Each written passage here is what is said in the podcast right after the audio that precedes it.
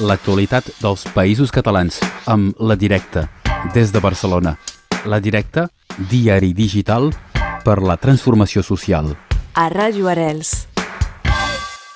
Anem uh, cap a la directa perquè avui ens interessa presentar un nou número paper, el 563, i com fa dues setmanes hem de tornar a parlar d'un cas que, que acaben de, de destapar, la, la trama d'infiltrats, que si fins ara n'havíem parlat en els àmbits més aviat barcelonins, ara s'estén al País Valencià i precisament des del País Valencià tenim amb nosaltres Esther Fallos. Bon dia, Esther. Hola, bon dia. Doncs un, un tercer cas, i en aquest, mm, aquesta vegada al País Valencià, eh, com deia? Sí, exacte.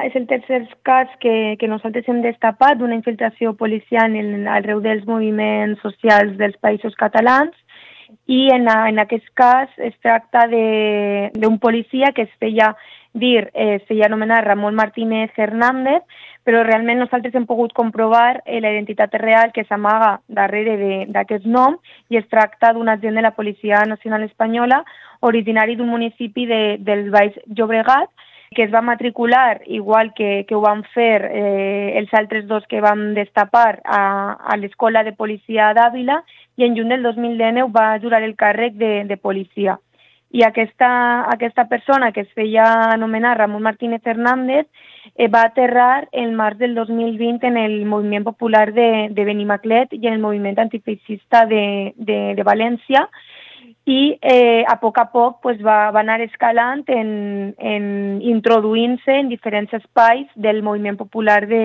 i antifeixista de València podem dir que, que també van fent països catalans, eh? entre, entre Mallorca, Catalunya i, i el País eh, Valencià.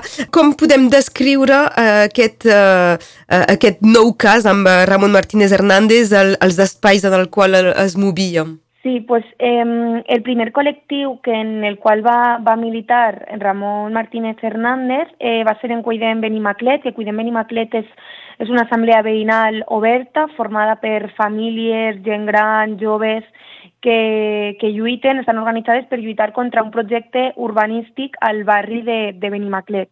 Que el barri de Benimaclet de València doncs, és un dels, dels barris on, on més incidència té el, el, el moviment popular, no? on, on hi ha més xarxes comunitàries i més organització popular hi ha. I aquest col·lectiu, Cuidem Benimaclet, va ser la, la porta d'entrada d'aquest policia per a infiltrar-se en tot el moviment popular del barri i en el moviment antifeixista de, de València. Després també es va infiltrar en, el, en un grup d'esport de, de combat, en el grup de Muay Thai, que aquest grup li va servir eh, de porta d'entrada al centre social ocupat i anarquista L'Horta perquè el grup de, de Muay Thai eh, forma part d'aquest centre social que, que és un espai referent de, de tots els moviments socials del País Valencià i també li va servir de porta d'entrada al moviment antifeixista. Després també altres espais en els quals va participar va ser Grama, de xarxa de, una xarxa de recollida d'aliments de, del barri, i fins i tot també eh, es va introduir en el grup de suport i acompanyament a persones migrants que habiten en, en la Garrofera, que la Garrofera és una antiga fàbrica lletera del, del barri. Sí que destacar que ell realment no va arribar a assistir a cap assemblea del moviment antifeixista, però sí que va establir vincles de, de confiança amb, amb militants antifeixistes que li van permetre participar en, en certs grups antifeixistes que organitzaven accions i, i mobilitzacions. I, de fet, eh, un fet eh, rellevant d'aquesta infiltració és que ell va arribar a liderar i participar en, en diferents mobilitzacions i accions de, de sabotatge. Mm, va ser a través d'aquests vincles de, de confiança i vincles íntims que es va poder introduir ràpidament en diferents espais i, uh, i, i arribar a involucrar-se fins al punt de liderar uh, aquestes mobilitzacions i accions de, de sabotatge. Eh, justament la, la seva forma d'actuar i, i el seu caràcter, quin, quins eren? Mm, es mostrava com una persona tímida, pues, amable, molt respectuosa, gens evasiva, i aquest mm, caràcter li va permetre crear mm, vincles de confiança molt, molt ràpidament. Però sí que és veritat que alhora que al mateix temps que era una persona tímida, també era una persona amb molta proactivitat, amb molt de compromís en, en l'organització, a l'hora d'organitzar eh, qualsevol activitat o jornada i tenia un, un elevat nivell d'implicació i això li va mm, facilitar involucrar-se eh, fins al punt d'això, no? de liderar aquestes mobilitzacions o accions de sabotatge, també d'agafar responsabilitats o de fins i tot també participar en grups d'acció directa. És el tercer cas, ho, ho dèiem, eh, és que hi ha coincidències eh, entre, entre aquests eh, tres casos, entre aquests tres policies eh, infiltrats?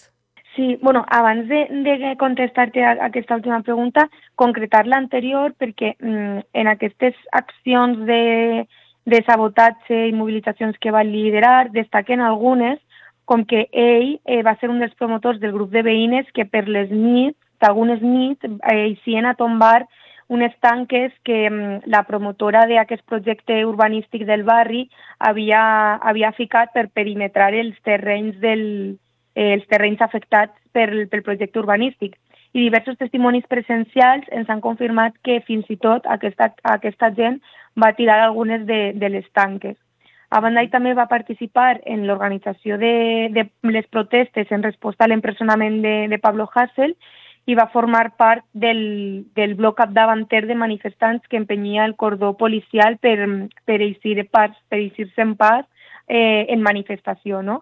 I després també va, va assistir com a membre del cordó de seguretat eh, a una manifestació antifeixista que es va organitzar l'1 de maig del 2021 a, a València. No? Aleshores veiem com que tenia un rol de lideratge molt, molt, molt marcat, tot i que realment la participació d'un policia infiltrat en accions de, de sabotatge o en enfrontaments amb la policia només seria legal si, si la figura de, de l'agent fos la d'un agent encobert supervisat per, per una ordre judicial, no? cosa que, que desconeixem perquè el Ministeri no, no, ens, han, no ens ha donat cap, cap explicació. Sí, han I decidit que era secret. Correcte, sí. I perquè comentaves de, de, les, de les coincidències, no? nosaltres eh, el, que, el que comentem és que el fet d'haver destapat tres casos que tenen coincidències en comú ens fa afirmar que es tracta d'una operació coordinada d'infiltració de múltiples agents per espiar pues, grups polítics d'esquerres de, i anticapitalistes. No? Aquestes coincidències pues, trobem que els tres eren companys de promoció, els tres van ingressar junts a l'Escola de Policia d'Àvila i van jurar el càrrec el, el, en juny del 2019. Eh, els tres es van infiltrar també en la mateixa època, en 2020.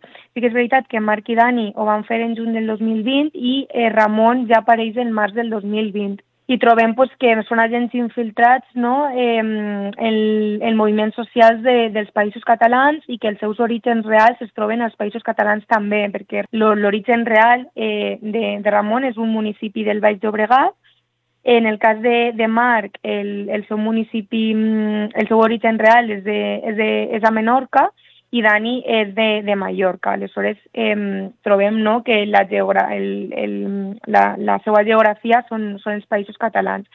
I després també tenim que eh, els tres comparteixen un dels cognoms falsos, perquè tenim eh, la, la identitat falsa d'aquest tercer cas, és Ramon Martínez Fernández, i en el cas del, de Dani i Marc eren eh, Dani Hernández Pons i Marc Hernández Pons. Aleshores, els tres comparteixen eh, el cognom fals d'Hernández. I també, eh, per exemple, una altra coincidència és que eh, Marc i Ramon es van matricular en el curs de, de treball social.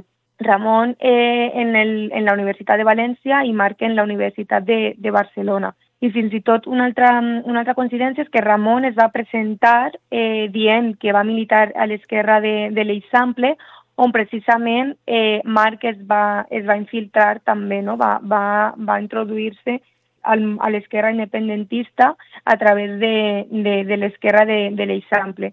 I bueno, una coincidència que va ser molt important eh, per, en, la, en la nostra investigació és que Ramon no, tenia una, una foto de, eh, en, en el seu mòbil d'activista fals, no? d'activista fictici, en WhatsApp li apareixia una, una foto que estava feta des del mateix pis on Marc Hernández Pons va allotjar militants de, del sindicat d'estudiants dels països catalans durant la seva infiltració. No?